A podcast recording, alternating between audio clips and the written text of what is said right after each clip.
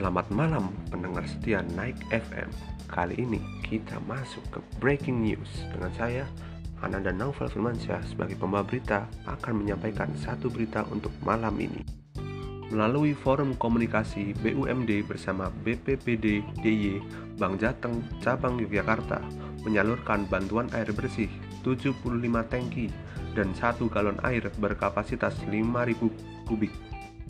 Penyaluran ini dilaksanakan di Harjomulyo, Gedang Sari, Gunung Kidul pada Selasa 8 Oktober dan penyaluran ini juga dilakukan di Muntuk, Delingo, Bantul pada Rabu 9 Oktober.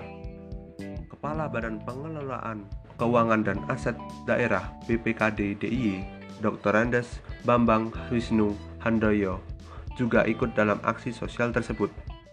Pimpinan Bank Jateng cabang Yogyakarta, Sultan Syarif berharap penyaluran bantuan air bersih ini bisa bermanfaat bagi masyarakat yang terdampak bencana kekeringan, sekaligus sebagai ungkapan terima kasih atas kepercayaan masyarakat Yogyakarta yang luar biasa kepada Bank Jateng selama ini.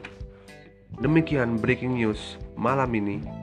Jangan lupa selalu dengar Naik FM 69.69 FM. Selamat malam dan selamat mendengarkan acara selanjutnya. Terima kasih.